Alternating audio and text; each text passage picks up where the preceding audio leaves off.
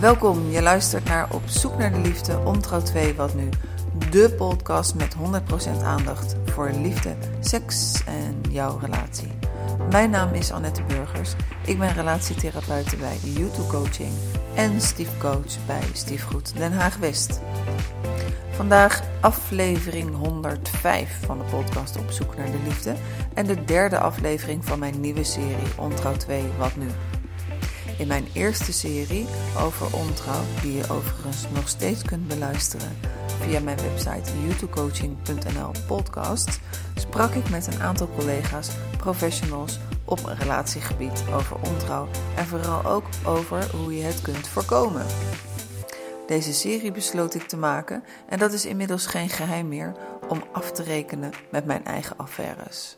En dat is gelukt. Al geruime tijd sta ik voor wat ik doe en doe ik wat ik zeg. Het is een ontzettend grote bevrijding, dat kan ik je wel zeggen. Daar ga ik later vast nog wel wat meer over vertellen. Vandaag alle aandacht, 100% aandacht voor Dini.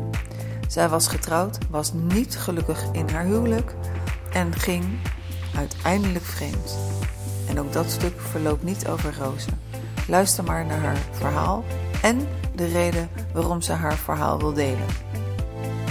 Bij deze serie hoort ook een e-book met een aantal tips en een aantal opdrachten om het onderzoek te starten naar jezelf. Waarom ga ik eigenlijk vreemd? Het e-book is bijna, bijna, bijna, bijna klaar. Het ligt bij de redactie. Op het moment dat ik hem ontvang, ga ik hem versturen. Zet jezelf op de lijst door hem nu al aan te vragen via info.youtubecoaching.nl. En YouTube schrijf je met J-U-T-T-U. Wil jij jouw verhaal, eventueel anoniem onder een andere naam, met mij delen? Neem dan contact met me op. Mijn doel is het onderwerp uit de taboe-sfeer te halen en mensen in dezelfde situatie te helpen door onze verhalen te delen. Het werkt. Ben jij geïnteresseerd in relaties, intimiteit en seksualiteit? Abonneer je dan op Vlam Magazine. Elke kwartaal komt er een nieuw nummer, boordevol met informatie, geschreven door inspirerende professionals. Die je, je kan ook een groot gedeelte teruglezen op de website. Er zijn webinars, masterclasses, er komt straks radio, van alles. Ik raad je aan om daar in ieder geval naartoe te gaan en even te kijken of het iets voor je is. Dan gaan we nu naar Dini toe.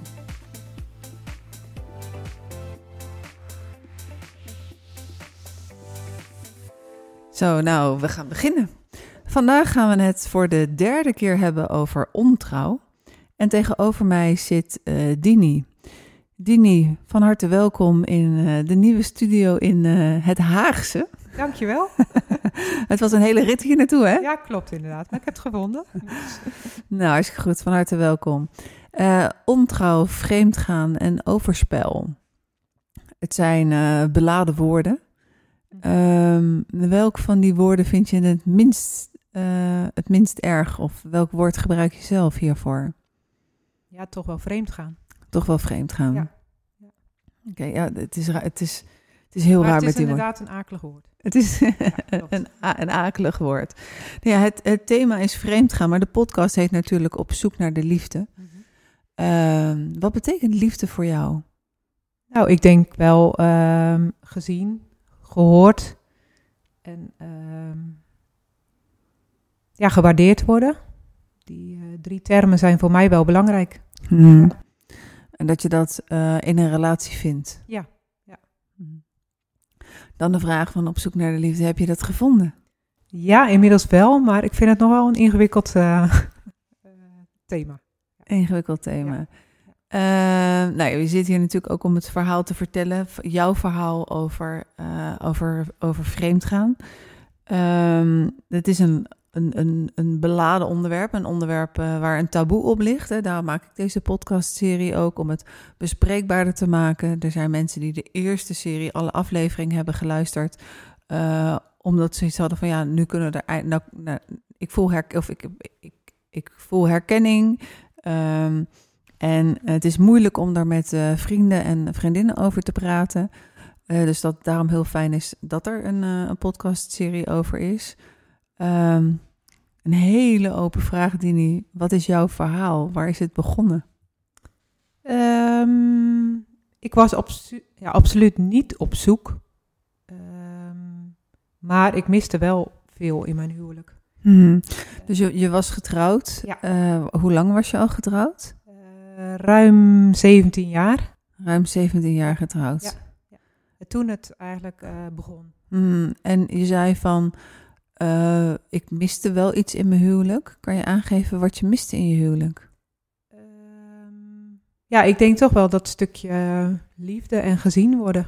Ik Mhm. voelde me meer um, ja, moeder van de kinderen en goed om alles te regelen en te doen. Maar niet echt dat stuk verbinding was ik echt kwijt. Dat is echt gebeurd na dat de jongste geboren is. Um, onze kinderen kwamen best kort op elkaar.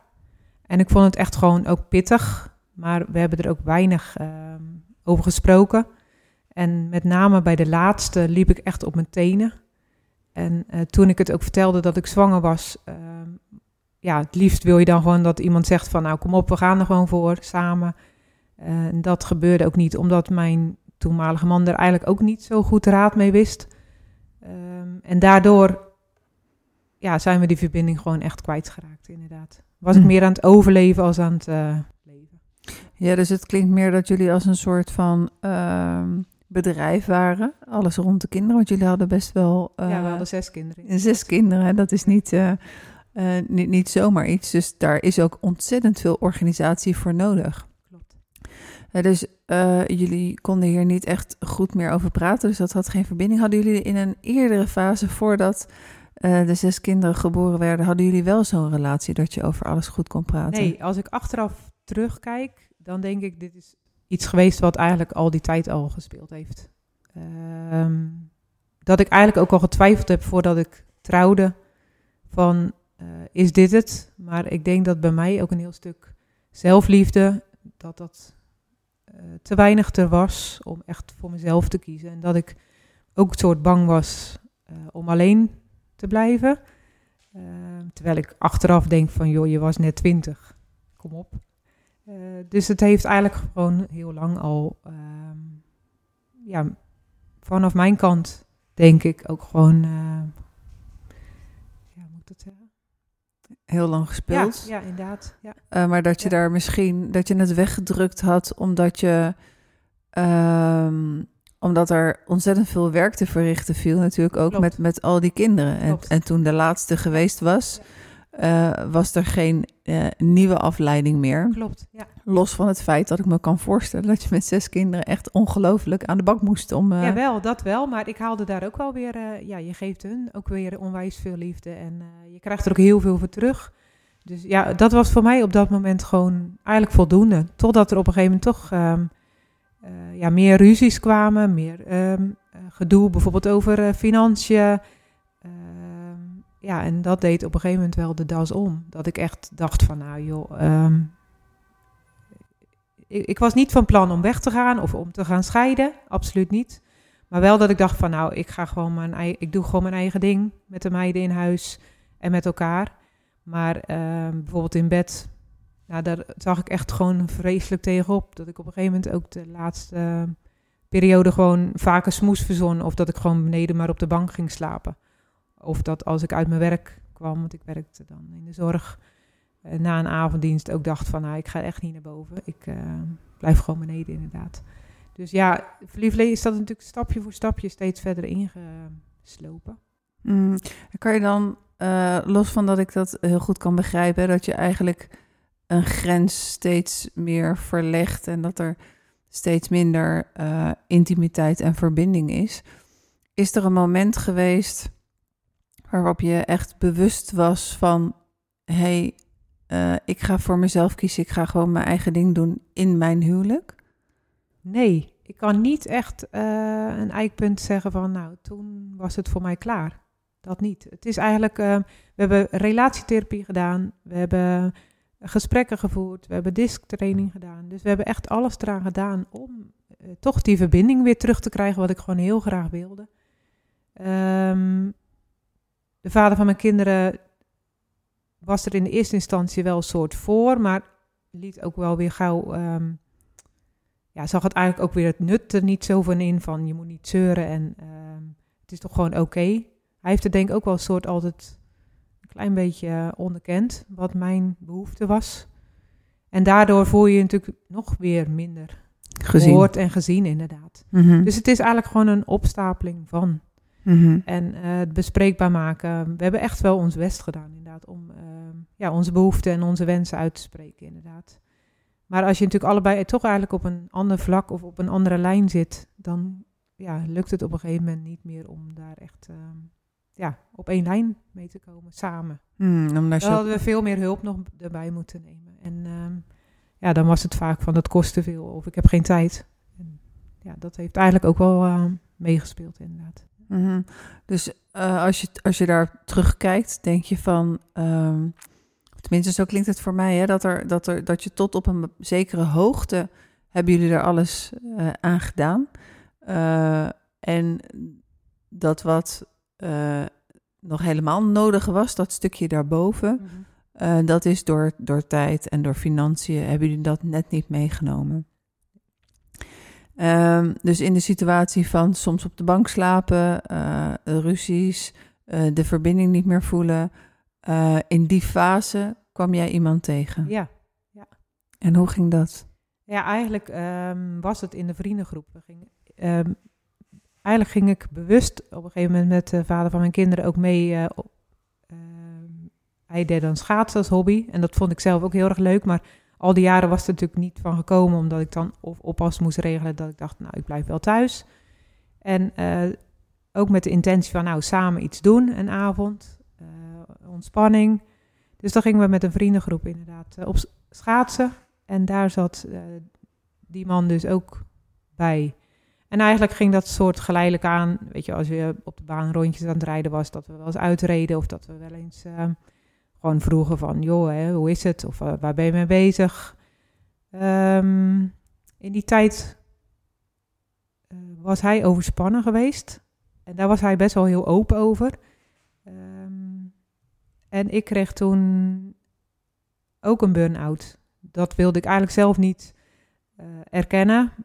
Maar mede door hem eh, zei ook van ja, je moet echt je tijd en je rust ervoor nemen. Want, dus toen heb ik drie maanden onbetaald verlof genomen. En dat gaf natuurlijk al een heel stuk erken, herkenning. Van, hè, ehm, maar ook ehm, ja, dat eigenlijk mijn huishouden gewoon een dagtaak was. Ehm, ja, ook het stuk begrip. Dat was eigenlijk gewoon ja, alles soort bij elkaar. Maar het was absoluut niet dat ik onwijs verliefd op hem was of zo. Dat niet. Ik vond hem wel gewoon leuk en sportief. Maar dat was het ook wel. Mm, Maar hij gaf je heel veel aandacht en hij gaf je. er- ja, we appten inderdaad wel eens. Of dat hij inderdaad eh, aan het werk was. En dat hij dan eh, wel eens een foto stuurde waar hij mee bezig was. En ehm, ja, dat gaf, ja, het gaf gewoon een goed gevoel. zou Mm. ik zeggen. Ja. Was dat dan een selfie van, eh, van wat? Nee, meer inderdaad gewoon eh, als hij bijvoorbeeld in het land aan het ploegen was of zo. Van, eh, weet je wel, dat. Ja, een stuk, ja, hij wilde mij ook soort mee laten genieten van. Omdat ik natuurlijk zelf ook van boerenafkomst ben. Ja, geeft dat wel eh, een goed gevoel. Oké, want ik weet niet hoe jij dat vindt, maar zelf, zelf vind ik wel iets van die mannen die overal een, een selfie van maken. En nee, dan daar kijk, is absoluut niet van. Kijk, kijk mij eens in de, in de rij staan bij eh, de kassa van, eh, van, van weet ik veel wat voor winkel. Of Nee. van de Efteling of van de dierentuin. Of kijk mij eens. Nee, het liefst knippen we ons allebei eraf. Dus. Oh. Nou, Oké, voor, voor, voor de helderheid. Dus ehm, in, in eerste instantie was het eh, belangstelling, vriendschap. Was hij, ehm, deze sportieve man, was hij getrouwd of was hij gescheiden? Hij was ook getrouwd inderdaad. Hij was ook Ja. getrouwd. Dus we zaten allebei eigenlijk in dezelfde situatie. Mhm. Ja. Dus, ehm, en, en, en oké, hoe ontstaat dan zoiets van, van een stuk van eh, erkenning, herkenning, aandacht, vriendschap? Ehm, Ik denk dat het in de eerste instantie echt vriendschap was. En eh, toen wilde hij ook graag gaan, eh, ehm, gaan schaatsen in Zweden. En was eigenlijk de bedoeling dat we met een grote groep zouden gaan. Eh, uiteindelijk viel de een na de ander af en gingen we nog met z'n vieren. Eh, waarvan er twee alweer na het weekend weggingen. Dus uiteindelijk bleven we met z'n tweeën over. en was er nog wel een vriendenstel uit, eh, of tenminste die hebben we daar ontmoet uit Amsterdam. Dus we hebben heel veel met z'n vieren opgetrokken. En in Zweden konden we dan inderdaad ehm, route schaatsen. Nou ja, tijdens dat schaatsen waren we elkaar gewoon kwijt, want hij gaat toch veel harder dan ik. ik heb veel meer genoten van de sneeuw. maar dat maakt allemaal niet uit. Ehm, en toen nog, ja, ik, ik denk dat ik toen wel al wel verliefd op hem was.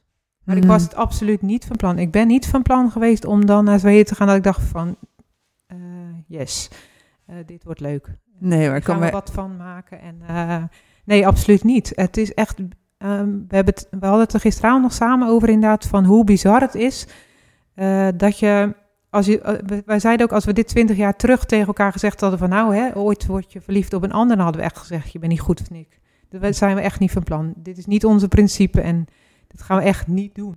Maar dat hmm. het je toch overkomt. En is het dan iets dat je dan jezelf niet genoeg kent? Ik weet het niet. Ik vind dat echt nog een heel lastig iets. Hmm. Maar het, het, is ook wel uh, alsof het dan uh, zo uh, ja, door het universum in scène is gezet dat je daar met z'n tweeën ja. in, in Zweden, dat iedereen afvalt en dat je daar met z'n tweeën zit. Klopt. Maar het voelde ook gewoon een soort zo, ja, gewoon goed, fijn. Um, en die week hebben we gewoon echt niet intiem of gezoend of iets in die richting. Um, waar ik achteraf gewoon echt heel blij mee ben. Dat ik denk van, ja, wel heel veel goede gesprekken. Uh, en ook gewoon genieten van de natuur. Dus uh, dat was voor mij gewoon al heel fijn. Maar ja, daarna konden we elkaar toch soort niet... niet meer vergeten. Nee, nee, inderdaad. We hebben eh, ik weet nog dat we terugkwamen inderdaad uit Zweden en dat we zeiden van nou, we houden echt de deur open voor onze eigen partner.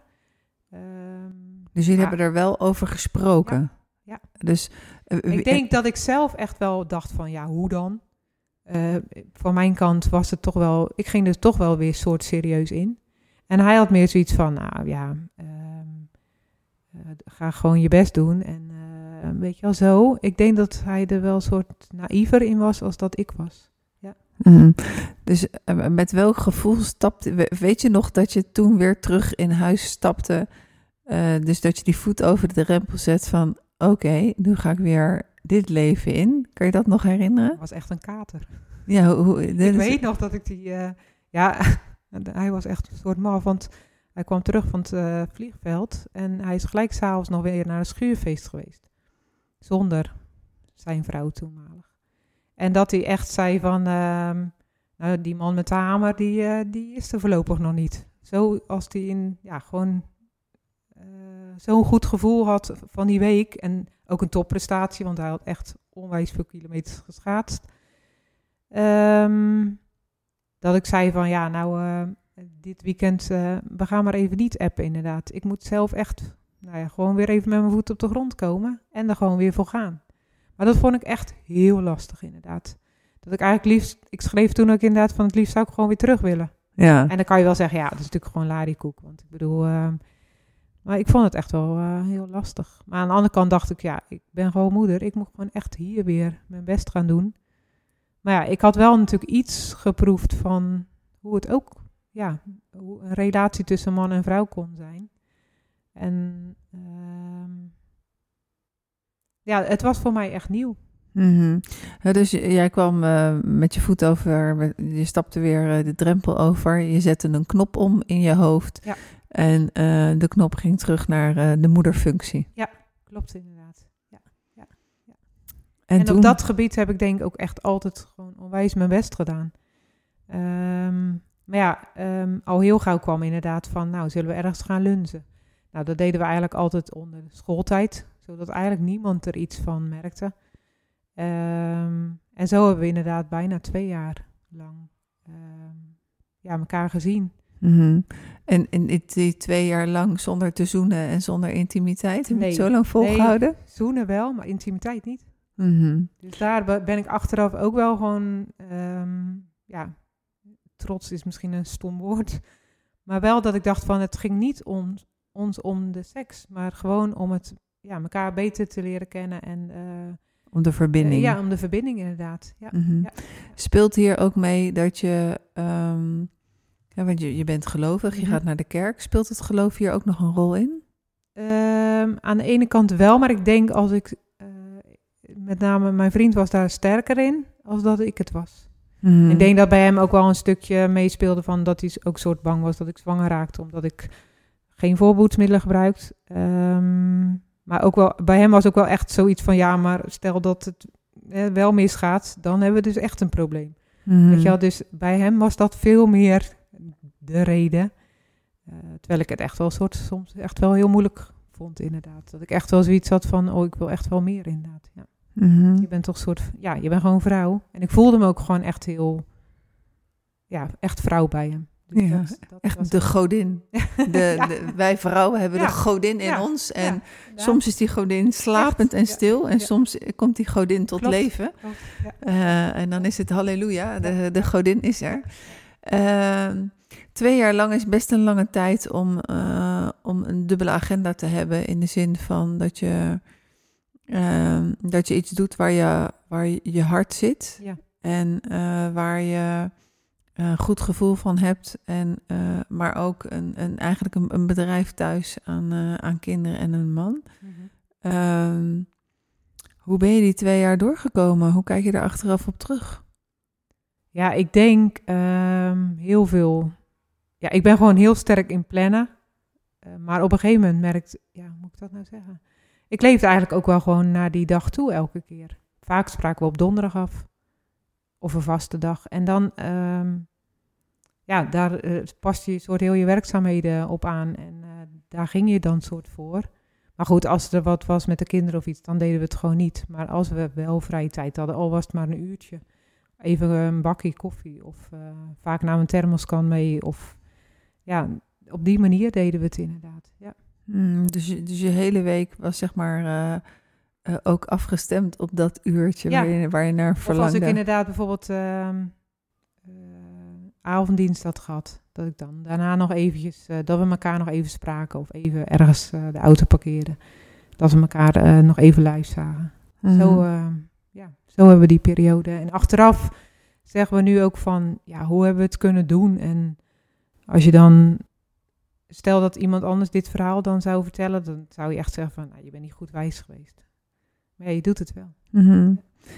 Zie je eh, van je bent niet goed wijs geweest, zie je die periode ook een soort van verstandsverbijstering? Wat we wel zeggen van nou, ja, verliefdheid, het is zo'n chemische reactie. Het lijkt wel een soort van verstandsverbijstering, waardoor je, um, waardoor je als je helemaal met je volle verstand bent, echt denkt van nou, hoe heb ik dat nou kunnen doen? Ja, aan de ene kant wel, aan de andere kant weer niet. We hebben er ook wel uh, ja, gewoon onwijs van genoten. Mm -hmm. Je kan ook genieten hè, van verstandsverbijstering. Ja. Vreselijk van, uh, ja, van genieten. en ook wel dat we vaak zeiden van, ja, moet ik zeggen, uh, dat het soort altijd goed is. Ja, klinkt natuurlijk ook gek. Dat het soort altijd goed is gegaan en dat we nooit zijn ontdekt of uh, ergens gezien. Dat nooit verbaast, ons, verbaast ja. ons ook wel eens inderdaad, ja. Um, maar goed, je zegt ook van, we hebben gisteravond elkaar nog gesproken, dus er, ehm, er, er is iets uh, gebeurd uiteindelijk.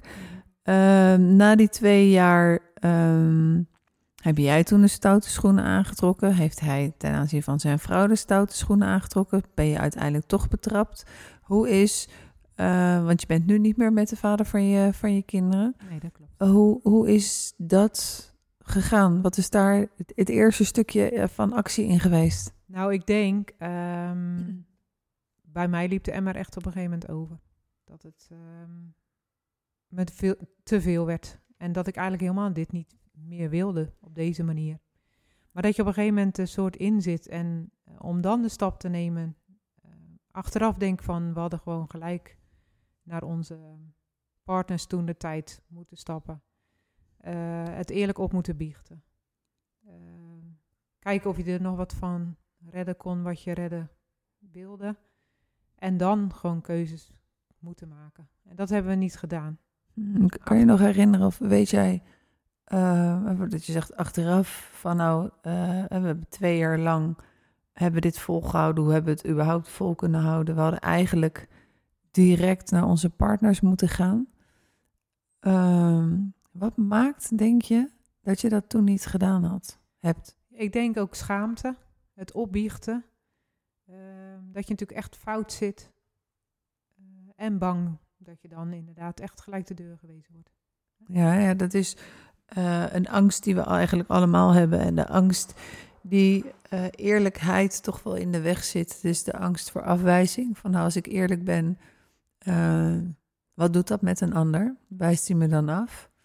En de angst ook om je partner te kwetsen. Want Klopt. het, het doet toch verdriet. Dat is het ook inderdaad. Ja, en, en die, die twee grote angsten, die eh, houden ons in een soort van gegijzelde greep. ja. Waardoor, eh, waardoor, terwijl je eigenlijk eerlijk wilt zijn Ja. en ook een eerlijk mens bent. Ja, want dat zeggen we vaak ook tegen elkaar van we stonden daar altijd voor. Dat we het gewoon e- dat we eerlijk willen zijn. Dat we, hè, maar op dat moment, eigenlijk bizar dat het dan zo gaat inderdaad. Ja, want die angst is echt heel Ja. groot. Is een, een heel groot monster. Wat je echt eh, eh, in, een, in een gijzelingsgreep houdt. Eh, maar uiteindelijk je was het zat. Hè? Dus het, het, Nou, het groeide me zo boven mijn hoofd en ik weet dat ik toen, ehm, ja, gewoon ook emotioneel alleen, ehm, ja, ik ging echt, ja, ik was gewoon echt totaal niet met mezelf. Dus toen ehm, zeiden mijn ouders eigenlijk van, joh, zou je niet tijdelijk even bij ons komen wonen? Eh, Daar hebben, daar hebben we toen samen met mijn toenmalige man hebben we daar inderdaad over gehad. Van om even afstand te nemen en even een soort rustperiode in te lassen. Ehm, en nog niet eens zozeer zo met de reden van dat ik een ander had. Want dat had ik toen nog niet verteld. ook je ouders niet. Nee. Was, was er überhaupt iemand die jij in vertrouwen hebt kunnen Ja. nemen? Ik had één goede vriendin en die wist het wel inderdaad. Mhm. Ja. Ehm, maar ja, toen ging het balletje wel rollen. Want toen ik eh, tijdelijk in die caravan bij mijn ouders zat, ja, de hele tamtam die hoorde dat ik inderdaad eh, weg was. En toen kwam de vrouw van mijn numalige, of van mijn vriend nu, ehm, die heeft toen aan hem gevraagd van, joh, heb jij nog steeds wat met Dini? Of Heb heb, je- je, heb, je, heb je nog steeds met Dini? Oké, maar had zij dan een vermoeden of had hij iets meer verteld? Ehm, ja, dat weet ik dus niet zo goed. Ik denk wel dat ze al die tijd toch wel een vermoeden had. Dat we, omdat we natuurlijk ook samen op vakantie waren geweest. En dat ze toen wel zei van, je bent niet iemand om zomaar verliefd te worden. Ehm, ik denk dat ze wel altijd toch een gevoel heeft gehad dat er toch iets was. Ik kan me dat wel voorstellen, want eh, wij vrouwen hebben er denk ik ook wel een, een intuïtie voor dat als, je, als er een andere vrouw op je man afkomt, eh, dat je voelsprieten vol uitgaan of het nou eh, ontkend wordt eh, of niet. Maar ik denk dat wij dat wel aanvoelen. En aan de andere kant denk ik ook dat een man, als een man alert is, het zeker ook weet als een andere man naast zijn vrouw Ja. staat van, oké, dit is gewoon eventjes een contact. Klopt. Eh, of deze man wil iets meer. Ik denk dat daar een man, man, vrouw, vrouw, dat, dat, dat je dat wel weet. Ja. Als je daarvoor open staat. Hè? Klopt. Als je in je eigen wereldje leeft of andere dingen eh, bezig mee bent, dan zal je dat niet merken. Maar als je daar open voor staat, dan voel je dat. Ja. Dus ik kan me helemaal voorstellen dat zij dat, ehm, dat, zij dat voelde. En in die tijd eh, had jouw man nog steeds, of de vader van jouw kinderen, Mhm. eh, die had nog steeds geen vermoeden. Ja, ik denk achteraf ook wel. Want toen, eh, maar nog wel een soort naïef, want na een week zei ik van kunnen we een goed gesprek hebben. Dus toen zijn we gaan wandelen en ik had alles op papier gezet. Eh, dus ik heb toen eigenlijk eh, ja, hem een brief voorgelezen. Eh, dat ik inderdaad toch verliefd was geworden op een ander. En dat ik niet meer met hem verder wilde. En dat heeft hem echt, ehm, hij had daar echt niet op gerekend. Hij dacht echt ehm, ja, dat ik kwam zeggen dat ik weer terugkwam. Mhm. En die hoop heb ik hem toen echt ontnomen, inderdaad. Dus dat was echt, ehm, ja, als ik er achteraf ook op terugkijk. Ik was toen wel een soort echt zelfverzekerd. En ik voelde me ook een soort sterk. Maar het verdriet wat ik hem toen aandeed, dat voel ik nog steeds inderdaad. Ja. Mhm. En, en hoe reageerde hij? Hij was verdrietig, zeg je? En werd hij ook boos? Of, of Nee, niet echt boos, meer echt eh, huilen. En die boosheid kwam eigenlijk pas later, inderdaad. Hmm. Want ehm, ja, ik zit even terug te denken. Er zijn natuurlijk zoveel. ehm, weet- eh, we zijn inderdaad nog een week met de kinderen op vakantie geweest. De kinderen wisten het nog niet. En ik wilde eigenlijk voor hun gewoon echt heel graag nog gewoon een Mooie vakantie. familievakantie. Zonder dat hun daar nog iets van merkten. Maar wij hebben allebei wel met heel veel spanning daar ook wel eh, rondgelopen. En we spraken elkaar eigenlijk bijna niet. Dus dat, ehm, voor mij was het wel gewoon oké dat ik inderdaad die week gedaan heb. Maar ik heb er toen echt wel mijn best voor gedaan om die week, een fijne week voor de kinderen ervan te maken. En ehm, dat gevoel, ja, ik, heb, ik kijk er ook gewoon goed op terug. Maar de vader van mijn kinderen had echt zoiets van, eh, ja, wat een poppenkast is dit. Ik heb, ehm, het is gewoon geen fijne week geweest. Dus hij is hij heeft er natuurlijk gewoon onwijs mee rondgelopen. En dat hij, uh, we hebben er wel toen met vrienden over gesproken, die daar ook op, hetzelfde vakantiepark zaten. En die hadden ook echt zoiets van, uh, ja, dien alsjeblieft, doe het niet. En uh, weet waar je aan begint. En wat, wil, wat wil je hier nou mee bereiken? Maar het was voor mij natuurlijk al een hoofdstuk wat ik natuurlijk al zo lang al in mijn hoofd had zitten. En ehm, en voor hun was het natuurlijk echt gewoon allemaal ja, nieuw. Uh, ik was al veel verder in dat proces. Ja, precies. Hè? En dat is het lastige. En, en, en alle situaties die, uh, waarin een van het huwelijk besloten heeft, om welke reden dan ook, ja. hè? of dat nou te maken heeft om uh, dat hij of zij verliefd is geworden op iemand anders, of um, dat iemand toch beseft, ik kan niet gelukkig worden met jou. Maar als een van de twee heeft een besluit genomen ja. uh, en de ander loopt daar achteraan. Ja. En, uh, en is veel trager uh, om dat proces in te stappen van rouw. En bij rouw komt natuurlijk heel veel nog, nog kijken. Er is verdriet en er is uh, boosheid. en totdat je zover komt dat je kan accepteren, moet er echt wel wat water door de, ja. door de Rijn. Ja. Ja. Dus uh, jij hebt die brief voorgelezen. Jij ja. zat in die caravan. En hoe is het vanaf toen gegaan? Ja, we hadden toen nog uh, gesprek ook inderdaad bij een therapeut.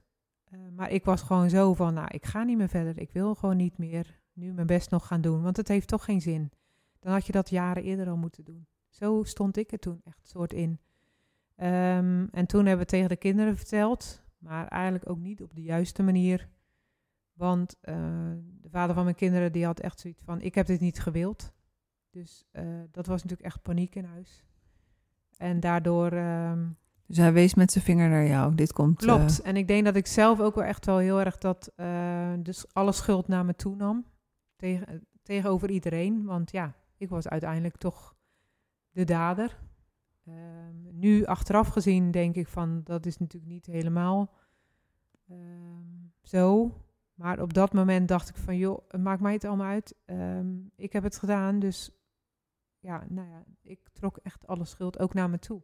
Mm -hmm. En uh, eigenlijk had ik daar wel betere begeleiding in kunnen hebben. Want het heeft me wel echt, um, ja, ik heb echt hier een hele donkere winter gehad inderdaad. Dat weet ik wel. Ja. Mm -hmm. ja. Kan je daar iets meer over vertellen? Nou ja, in die periode ging ik um, uh, s morgens om zeven uur eigenlijk naar het huis waar mijn kinderen woonden. Mijn toenmalige man was dan al aan het werk. Dus ik bracht ze gewoon naar school. Ik deed alle dingen gewoon in huis. Ik zorgde gewoon dat alles spik en span was. Ik kookte het eten en we hadden dan wel afspraken van twee dagen uh, at ik nog mee. En dan ging ik daarna na, naar huis. Dat was mijn toenmalige man, bleef dan langer op zijn werk of hij ging sporten. Maar um, tot eigenlijk een half jaar lang heb ik dus niet mijn eigen kinderen naar bed kunnen brengen. En uh, steeds bij de mediator uh, zei ze wel van ja, maar je hebt ook gewoon het recht om ook gewoon in je eigen huis te kunnen verblijven. Uh, maar doordat mijn, de vader van mijn kinderen eigenlijk steeds dat, nou ook wel door het schuldgevoel dat ik toch steeds een soort aan het korte eind trok, ehm, ja, ging ik dus gewoon inderdaad, voordat de kinderen weer naar bed gingen, weer terug naar mijn ouders. Het werd toen ook winter, dus het was echt koud en donker. En uh, ja, ik heb me echt gewoon onwijs alleen gevoeld toen. Mm -hmm. Dus dat mijn, uh, ja, de man waar ik op verliefd werd, die um, was in het begin natuurlijk ook soort heel, uh, nou ja, nog, nee, ik kies echt voor jou. Maar verliefd zakte dat natuurlijk ook soort weg. Door alle emoties en reacties die hij natuurlijk ook kreeg op het hele verhaal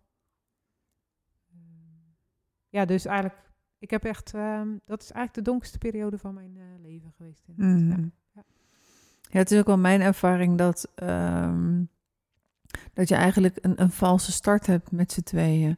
Wat ik nog even gemist heb, is het stukje uh, of hij, uh, wanneer hij bij zijn vrouw uh, weg is gegaan. Of dat hij de deur uit is gezet. Of, en of dat dan een beetje gelijk liep met jouw periode. Het liep wel soort gelijk. Um, alleen hun kochten al heel snel een huis voor haar. En hebben nog een half jaar samen in huis gewoond. Uh, dus pas na een half jaar is zij verhuisd. Um, en wij hebben toen inderdaad drie maanden time-out gehad. Dus helemaal geen contact. Uh, en na die drie maanden had ik ook zoiets dat ik dacht van, het is oké. Maar we hadden eigenlijk soort wel beloofd dat... Want ik weet nog dat ik... Uh, hij, het was zijn voorstel inderdaad om time-out te nemen. Omdat hij gewoon heel graag zijn toenmalige vrouw gewoon uh, nou ja, goed wilde helpen met de verhuizing en alles. Omdat hij zich natuurlijk ook heel erg schuldig voelde. En daar was ik natuurlijk gewoon te veel bij. Dat snap ik ook wel. En ik weet nog dat ik toen zei van ja, en dan is het dan klaar en over. En dat hij zei nee, dan uh, wil ik wel weer contact met je opnemen. En ik weet nog wel dat in de voorjaarsvakantie was ik met de meiden weg geweest, had ik een statusfoto geplaatst en dat hij daar toen op reageerde. Uh, dat hij me even weer niet geblokkeerd had. Ehm, dus hij kon mij ook soort niet loslaten. Mm -hmm. En dat we inderdaad, uh, ja, de eerste keer dat we elkaar weer spraken, hebben we drie uur aan de telefoon gezeten. Nou, dan had je wel wat uh, bij te kletsen natuurlijk. Ja, dat was, uh, maar ja, achteraf denk ik wel van, hij was nog eigenlijk helemaal niet in dat proces bezig. Terwijl ik natuurlijk toen in die tijd wel al heel diep ben gegaan.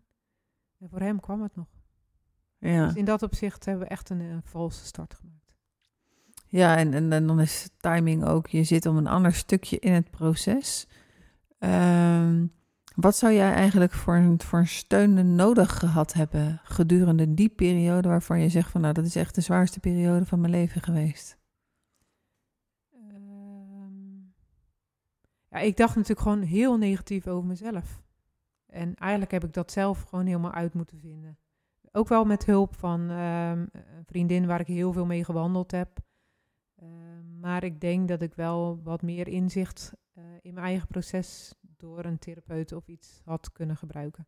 Mm. Daar heb ik niet toen echt over nagedacht, want ik, ja, je bent soort zo ook, je zit zo in je eigen emotie en uh, de hele rollercoaster inderdaad met alles.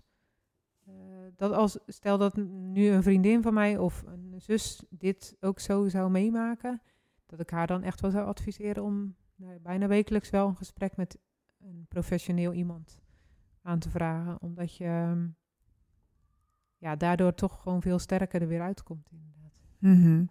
en, uh, en dan zeg je vooral het, het stukje voor jezelf. Uh, en welk stukje van jezelf dan? Wat, wat is belangrijk daarvoor? Um, ja, ik denk gewoon dat ik. Um, ja, ik voelde me gewoon zo slecht. Mm -hmm. Dus je schuldgevoel. Ja, echt dat schuldgevoel. Dat. Um, het kiezen voor jezelf. Ja, je bent jezelf echt kwijt. Mm -hmm. Dat uh, heb ik wel ervaren, inderdaad. Ja. Ja. Dan gaan we straks, kom ik er nog op terug, of je jezelf weer gevonden hebt. Maar gaan we even terug in de, in de tijd. Uh, jij zat nog steeds bij je ouders. Klopt. En, uh, en jullie hadden dit time-out gehad. En jullie hebben drie uur aan de telefoon gezeten. Ja, maar inmiddels, uh, dan ga ik nog weer even terug. Want het was net voor de kerst. En um, toen hebben we inderdaad nog uh, contact gehad. En mijn vriend wilde het eigenlijk uitmaken. Daar was ik echt heel erg van overstuur. Uh, maar ik had ook zoiets van, nou oké, als jij dat echt zo wil, ja, dan... Uh, dat was echt, nou ja, volgens mij 18 december of zo. Dus de kerstdagen kwamen natuurlijk ook aan. Daar zag ik ook vreselijk tegenop, om dat alleen dan in die caravan inderdaad te zitten. En uh, ik wandelde toen heel veel met een vriendin. En haar man was uh, makelaar. Dus die wisten wel dat ik naar woonruimte op zoek was. Want dat viel natuurlijk gewoon heel erg tegen. Ik had me overal ingeschreven om te huren. Maar ja, je weet tegenwoordig hoe dat gaat. En uh, toen de negentiende belde hij dus van... joh, ik heb uh, iets op het oog. Wil je komen kijken vanmiddag? Dus dat heb ik gedaan. En wat bleek nou? Ehm, het waren mensen bij ons uit de kerk die gingen verhuizen. En dat huis stond te koop. En die makelaar heeft dus eh, dat huis gekocht. En wilde het dus doorverhuren aan mij. Zo. Echt een hele schappelijke prijs. Dat ik het gewoon ja, met mijn salaris gewoon eh, prima kon rooien. Dus ja, dat was gewoon voor mij. eh, ik weet dat het eh, de 24ste inderdaad was dat. Dus echt net voor de kerst. Nou, ik heb nog nooit zo'n bijzondere kerst eigenlijk gem- meegemaakt. Dat was je dat mooiste kerstcadeau aller Ja. tijden. Ja, ja, ik heb echt. ehm, ja, dat maakt me nog gewoon onwijs stil. Mhm. ja, ja. Ja. Dus ja, ehm, en daar kon ik eh, 1 februari al in. Dus dat was echt gewoon, en het was gewoon helemaal kant-en-klaar. Ik hoefde alleen mijn meubels eh, te verhuizen. Dus eh 1 februari ben ik er zelf in gegaan en die meiden twee weken later. En eh, ja, dat was voorjaarsvakantie. Dus we konden met elkaar eh, ja, wennen aan het huis en de hele situatie. En ik heb die laatste maand echt gewoon gebruikt om ehm, ja, de spullen te verdelen, zo eerlijk mogelijk het huis echt van top tot teen nog helemaal schoongemaakt. Om maar van het schuldgevoel af te komen. Dat is echt Mhm. wel bizar hoe je dan, eh, ja, hoe diep je door het stof wil gaan om maar, ja, soort ervan af te komen. Maar dat, dat Dat is een, niet dat is altijd een lastig verhaal, hè? Ja. Eh, maar als je eh, je schuldgevoel in eh, kilo's omzet, Mhm. hoe, hoe zwaar woog toen je schuldgevoel en hoe zwaar weegt het nu? Nou, ik denk dat het toen echt wel een rugzak vol was. En dat ik inmiddels heel wat stenen uitgekiept heb. Mhm. En Kan je ik er cijfers bij noemen? Ik denk dat toen echt wel een 10 was. En dat ik nu wel ja, op een 4 zit. Mhm. Ja. Oké. Wat is er nog nodig om die 4 kilo uit je rugzak te, eh, te weg te gooien? Nou, ik denk toch dat stemmetje op mijn schouder die gewoon iets liever eh, tegen mijn kind zijn, moet zijn. Mhm. Tegen, je- tegen jezelf. ja. En ehm, ja, goed, dus eh, jullie hadden elkaar aan de telefoon gehad. Eh, jij had inmiddels een eigen huis. Hij wilde het uitmaken. Mm, En, en, en toen? Ja, na die drie maanden zijn we elkaar toch weer gaan zien. En ehm, kwam ik regelmatig wel weer naar hem toe. Ehm, ja, en dat is eigenlijk zo gebleven. Ja. En Als ik de meiden niet heb, dan ga ik vaak naar hem toe. En ehm, ja, hoe moet ik dat nou zeggen? Het is wel anders geworden als dat, we, als dat het daarvoor was. Ehm, en dat is logisch, maar dan ga ik het invullen. Ik doe dan de aanname eh, dat als je elkaar eh, stiekem ziet, dan is er ook iets van een spanning. En dan zit je in een soort van eh, ja, een hele speciale bubbel met z'n tweeën. Niemand weet er ook Mhm. iets van. Mhm. Eh, daarna komt de hele realiteit eroverheen. Eh, de valse start, de twijfel, het schuldgevoel. Eh, maar dit is een aanname die ik doe. Mhm. Eh, dus eh, wat bedoel jij met het is wel anders geworden? Nou, omdat we eigenlijk allebei natuurlijk gewoon zo nog in dat proces zaten. Ook op een verschillend niveau. ehm, ja, maakt het voor onze relatie echt niet makkelijk inderdaad. En hebben we echt heel vaak op het punt gestaan om er toch nou ja, er een eind aan te maken. En toch niet, als dan echt het puntje bij paaltje kwam, deden we het toch weer niet. Dus ja, op dat gebied eh, hebben we nog wel een hoop... ehm, Dus jullie zijn er nog niet. Het is nog niet en ze leven lang en gelukkig. Nee, nee, nee. Nee, dus eh, wat, wat denk je dat nodig is om, ehm, om er vol voor te kunnen gaan met z'n tweeën? Ik heb inderdaad gisteren daar, eh, want ik, gisteravond zat mijn hoofd ook weer soort vol en dan ga ik lekker aan de wandel. Dat scheelt echt een stuk. En dan zit je voor jezelf te bedenken van, ja, wat is er dan nog echt nodig? Maar ik denk dat eh, we allebei gewoon nog niet genoeg van onszelf houden. Waardoor je ehm, ja, nog met ja, gewoon zoveel dingen blijft zitten. Waardoor je gewoon geen eh, goede verbinding kan maken en ook niet een gelijkwaardige relatie kan hebben. Mhm. En eh, als je dan kijkt naar jouw situatie, hè, eh, ehm, je dochters ehm, en de invloed die jouw dochters hebben op jouw leven, eh, dan heb je je ouders, dan heb je de vader van je kinderen. Eh, wat heeft de situatie van het, het vreemdgaan, de scheiding. eh, ben je officieel gescheiden trouwens? ja. Wat heeft dat voor effect gehad op de relaties? Ehm, met name met mijn dochters. Ehm, ja, iedereen is, heeft het natuurlijk weer op zijn eigen manier verwerkt. En er zijn er gewoon nog die het nu ook nog gewoon echt heel moeilijk hebben. Ehm, en ook met name toch wel mij de schuld geven van het hele verhaal. Eh, daar hebben we nu ook wel hulp bij gezocht. Dus dat is wel. ehm, ik merk nu ook verliefd dat we wel weer dichter naar elkaar toe groeien. Dus daar ben ik wel echt heel blij mee. Maar omdat je natuurlijk zelf zo in dat hele proces zit, heb je eigenlijk gewoon geen ruimte om je kinderen daar ook goed. In de steunen. Ja, inderdaad. En eh, voor de drie jongsten gaat het dan nog wel. Maar ehm, ja, de oudste hebben. Aan de ene kant hebben ze het heel bewust ook meegemaakt, natuurlijk, alles. Hè, ehm, dat ze zeggen, ja, die, die ruzies en alles, dat was natuurlijk ook niet alles. Maar gewoon het feit dat er dan iemand anders in je moeders leven komt, of belangrijk voor er is, dat ja, maakt het voor hun gewoon echt wel heel moeilijk. En daardoor geeft het hem natuurlijk ook wel een soort de schuld. Mhm. Eh, en dat is natuurlijk ook wel weer puber eigen om iemand de schuld te kunnen geven. Ehm, Absoluut. en trouwens, gewoon van heel veel. Ehm, als je ehm, alleen al de oordelen en veroordelingen van heel veel mensen. Ja, dat. Daar zijn we natuurlijk gewoon wel heel makkelijk in. Het is natuurlijk aan de ene kant ook wel heel logisch. Maar het heeft me wel heel diep geraakt, inderdaad. Dat je dan zo alleen komt staan, eigenlijk. Mhm. En, eh, want je woont in een dorp? Ja. En eh, eh, iedereen heeft een heel groot oordeel over, over vreemdgaan. Zelf denk ik wel eens dat, ehm, eh, dat op het moment dat er iemand vreemd gaat en dat je daar hard tegenover opstelt, hè, zo van nou dat, dat moet, eh, hij moet de deur gewezen worden of eh, in, inderdaad die afwijzing of aan de schandpaal of wat dan ook. En dat dat impliciet een, een, een waarschuwing is naar je partner van eh, nou zie je wat er gebeurt. Mhm. Ik veroordeel dat, dus, dus waag het niet dat jij ook maar ooit een keer vreemd gaat. Ehm, terwijl, ehm, ja, als we reëel zijn en, en cijfers horen, ehm, dan is de realiteit een stuk weer barstiger dan, eh, dan, dan hoe we er allemaal op reageren. En zo'n oordeel van een gemeenschap of van een dorp eh, kan inderdaad heel hard zijn. En je was niet bent natuurlijk ook een lid van de, van de kerk. Ja. Eh, dus jij, geeft ook, jij zegt ook van, nou, ik heb me gewoon echt heel erg alleen gevoeld en zelfs eenzaam. Ehm, is dat nog zo?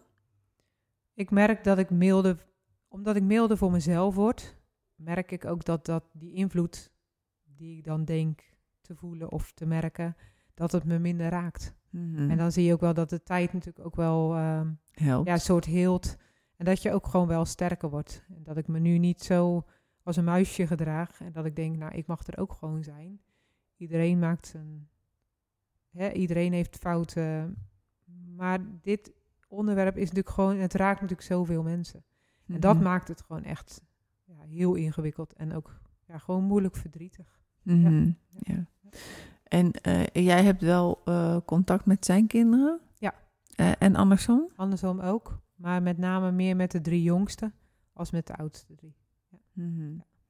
Dus hij komt ook gewoon bij jou over de vloer en jij komt bij Af en toe komt hij bij mij omdat hij inderdaad niet heel veel tijd heeft. Of omdat ik het dan voor hem weer makkelijk maak dat ik weer zijn kant op kom. Maar ik ben eigenlijk meer bij hem als dat hij bij mij is inderdaad. Mhm. Als we nou even de toekomst in dromen, Dini. Mhm. Eh, hoe ziet jouw leven in alle aspecten er over vijf jaar uit?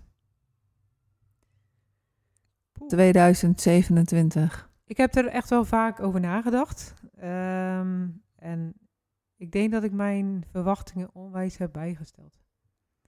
Ik had toch soort dat plaatje van, nou, we gaan een samengesteld gezin ehm, eh, stichten. Maar als ik zie hoeveel hobbels en struggles er elke keer toch nog zijn. En je wil het eigenlijk gewoon voor je kinderen. Ja, dat zij er soort zo min mogelijk Last van hebben? last van hebben, dan denk ik, laat mij maar voorlopig nog even zo eh, op deze manier eh, een relatie hebben. Ieder zijn eigen huis, ieder zijn eigen gezin. Af en toe bij elkaar. Soms wat leuke dingen doen. Eh, allebei proberen om weer gewoon... ehm, ja, hoe moet ik zeggen? ehm, dat je gewoon echt goed stabiel bent. Ik Ja, dat, dat je, belangrijker je, je eigen dat- gezondheid. Klopt. Ik denk dat het belangrijker is dat als dat ik nu zeg van nee, in 2025 wil ik echt eh, ja, gewoon ehm, als een gezin. eh, nee, ik denk dat die realiteit, ehm, dat ik dat plaatje verliefdlee ehm, Los heb ja, gelaten. los heb gelaten. Ja. Ja. En dat scheelt echt enorm ook wel, omdat je, als je natuurlijk ergens verwachtingen of hoop op hebt, dat op een gegeven moment raakte ik gewoon een soort gefrustreerd daardoor. En nu ik dat soort losgelaten heb, is het gewoon makkelijker. Mhm. En voel ik me ook gewoon een soort vrijer. Eh, Want en ook wel jou- gelukkiger. Jouw jongste dochter is? Tien.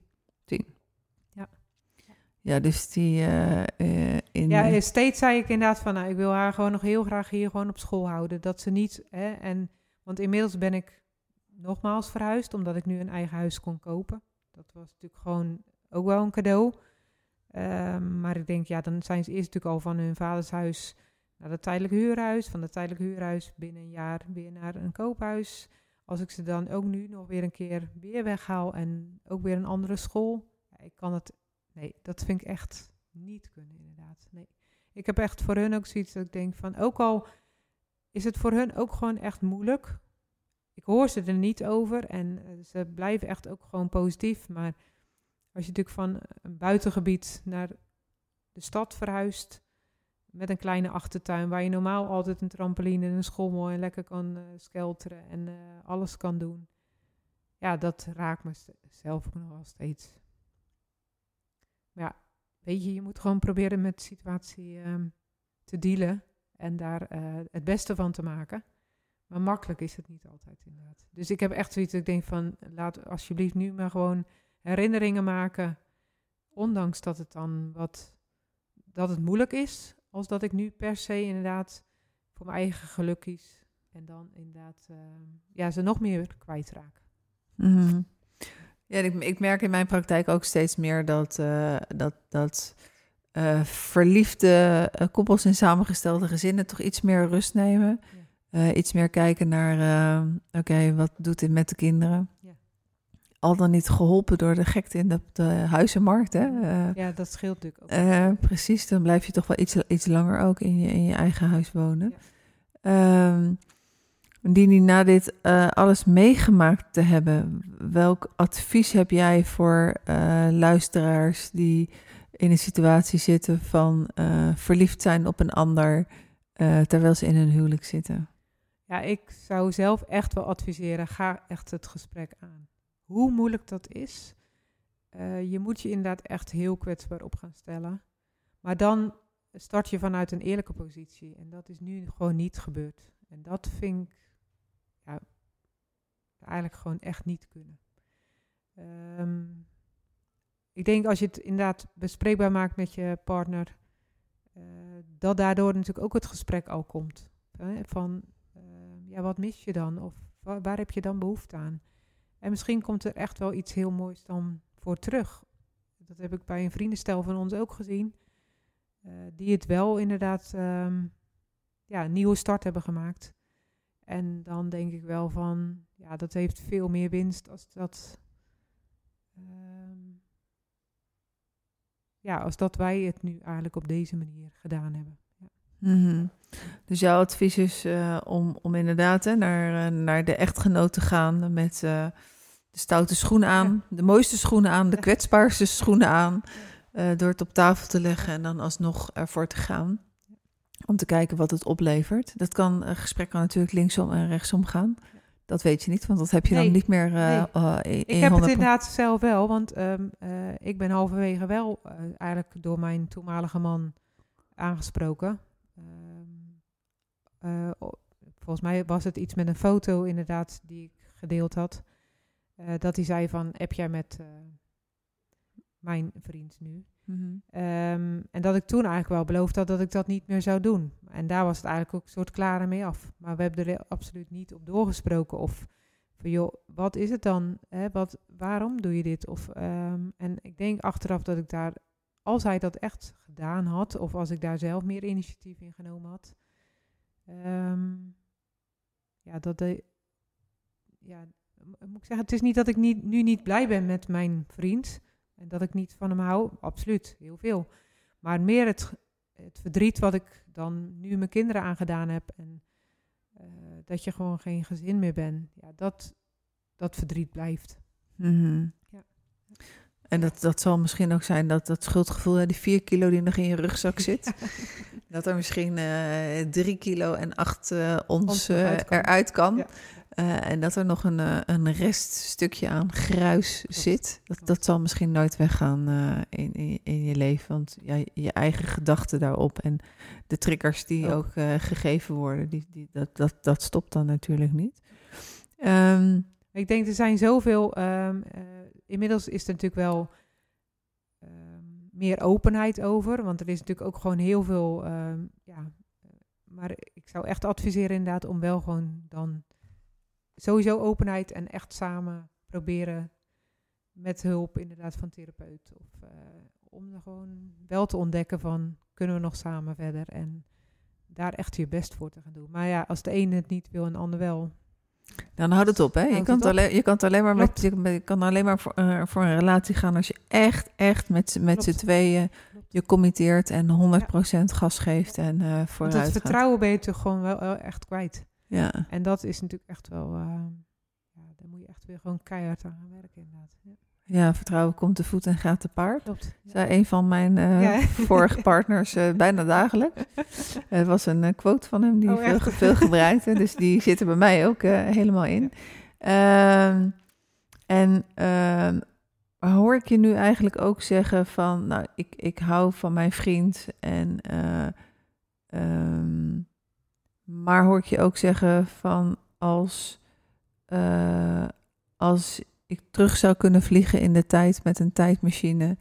En ik zou daar weer op de bank liggen ehm, voor dat moment dat wij, eh, dat ik met mijn vriend ging schaatsen en dat die vakantie daar was, ehm, zou ik toch meer gewerkt hebben aan mijn relatie? Nee, ik Dat heb, niet. nee, ik heb daar absoluut geen. ehm, dat ik denk, ik heb niet mijn beste voor gedaan of iets. En als ik er nu ook over aan terugdenk, wil ik ook helemaal niet terug. Mhm. Het is meer dan dat, hè, dat verdriet wat ik dan eigenlijk mijn gezin aangedaan heb. Dat dat me nog gewoon echt heel dwars zit. Maar niet meer de relatie met de vader van mijn kinderen. Nee, Want dat is voor mij gewoon echt... ehm, ja, ik heb het gewoon nu fijner. ja. Dus, dus- maar zeg je dan van, eh, dan zou ik er misschien beter voor hebben kunnen kiezen eh, om de relatie die niet meer werkte, om die te beëindigen Mhm. eh, om daarin vrij te zijn eh, en op een andere manier uit elkaar te gaan, omdat er geen anderen in het spel Klopt. waren. Ik denk dat dat natuurlijk al heel veel had gescheeld. Hè? Ik bedoel, hoeveel, hoeveel gebeurt het niet dat je gewoon uit elkaar gaat en na twee, drie jaar iemand tegenkomt. En dat is, wordt wel een soort geaccepteerd. Terwijl nu, het, als het in je huwelijk gebeurt, ja, dat is gewoon echt not done. En dat is gewoon niet acceptabel voor heel veel mensen. Terwijl ik eh, denk van, joh, de onderliggende oorzaak ligt er al vele jaren. En ze zeggen wel eens van, eh echtscheiding is zichtbaar, maar echt breuk was er al heel Mhm. lang. Hè? d- Dat er geen stuk intimiteit en geen verbinding meer was, dat ziet niemand vanaf de buitenkant. En ehm, ja, daar wordt natuurlijk heel veel. eh, ja, dat weegt eigenlijk een soort het zwaarst. Mhm. Wa- Wat voor een tip heb je dan voor eh, mensen die in hun omgeving eh, merken dat er, eh, dat er iemand vreemd gegaan is? Hoe kan je daar het beste mee omgaan als ouders of als een goede vriend, goede vriendin of kennissen vanuit, vanuit de kerk of van kennissen vanaf, vanuit eh schoolcollega's? Hoe kan je het beste ermee omgaan? Nou, ik denk, doordat ik natuurlijk zelf de hele situatie mee heb gemaakt, ben ik ook wel ehm, milder geworden. En ik denk zelf wel, als ik dat eh, zou merken of eh, iets daarvan zou horen, dat ik echt wel op die persoon eh, het, een gesprek aan zou durven gaan. Van joh, hè, ehm, klopt het? En hoe zit je erin? En kan ik je ergens bij helpen? Want Mhm. ik denk dat dat al heel belangrijk is. Gewoon het stukje meeleven. En dan kan je niks oplossen. Maar als je natuurlijk als persoon toch nog gezien wordt, ondanks je fouten, ja, dat doet iemand al heel erg goed, inderdaad. Dus ik zou echt wel. ehm, ehm, als persoon zelf ben je gewoon oké. Maar wat je dan doet, daar hoef je het natuurlijk niet mee eens te zijn. Of daar kan je natuurlijk iets van vinden. Maar als dat natuurlijk alleen maar benadrukt wordt. En ik heb me gewoon als persoon ook gewoon vaak niet gezien. Ehm, ja, het is twee, twee stukken eigenlijk inderdaad. Mhm. En dat, ja.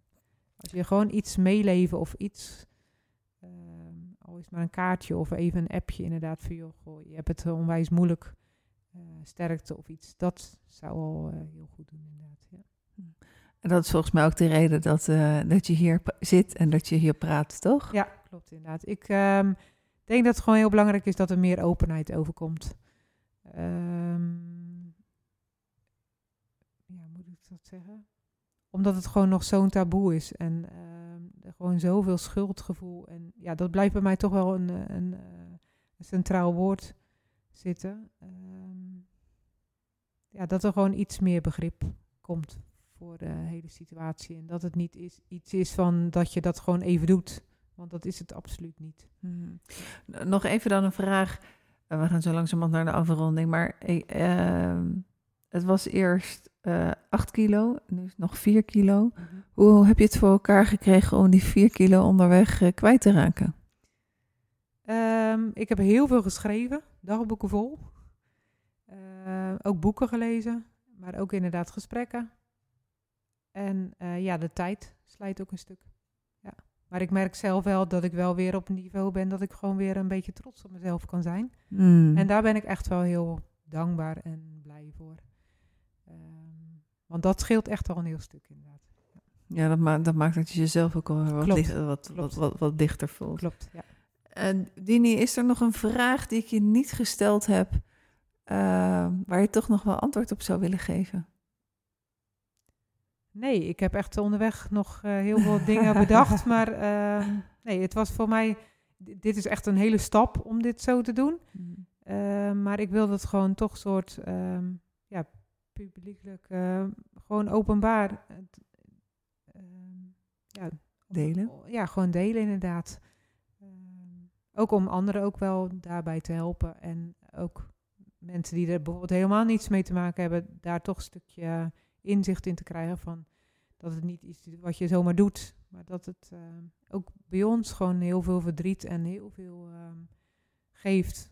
Ja, dat het je soort overkomt. En dan kan je allemaal zeggen van ja, nou, eh, dat is geklets. Maar dat, het, is, het is niet iets waar je soort voor, ja, aan de ene kant wel voor kiest, maar aan de andere kant ook weer niet. Mhm. Dus dat eh, maakt het gewoon. eh, ik, ik wil gewoon graag dat het bespreekbaar gemaakt wordt. Nou, daar in ieder geval mijn grote dank voor. En, en degene die dit luistert, die luistert niet zomaar naar Nee. deze podcast over ontrouw. Wat nu? Eh, mocht je als luisteraar een vraag hebben aan Dini, dan eh, mag je die aan mij sturen. Eh, Annette Burgers, YouTube Coaching. En dat kan via de WhatsApp of dat kan via info.youtubecoaching.nl, via mijn website. Ik ben niet zo moeilijk te vinden via internet. Dat gaat heel makkelijk. En ik beloof bij deze plechtig dat als je een vraag hebt aan Dini, dat ik hem doorspeel, omdat ik weet hoe ik Dini moet bereiken. Eh Dini, dank je wel voor je, voor je verhaal. En ik wens jou ja, heel veel liefde, zelfliefde. En eh, heel veel liefde met, eh, met je vriend, je kinderen. Je kinderen, je vriend. Eh, en wie weet hoe je over vijf jaar, 2027, eh, hoe je erbij zit. Maar vooral in ieder geval dat je goed in je vel zit. En dat er van die vier kilo die er nu nog over is, nog iets van gruis over, overblijft. Maar dat dat het enige is. Ja, klopt. Hey, dankjewel hè. Ik heb het graag gedaan dus. Oké, eh, dankjewel. En voor de luisteraar, over twee weken is de volgende afle- aflevering Ontrouw 2. Wat nu? Ik hoop dat je dan ook weer luistert. En voor nu, dankjewel voor het luisteren.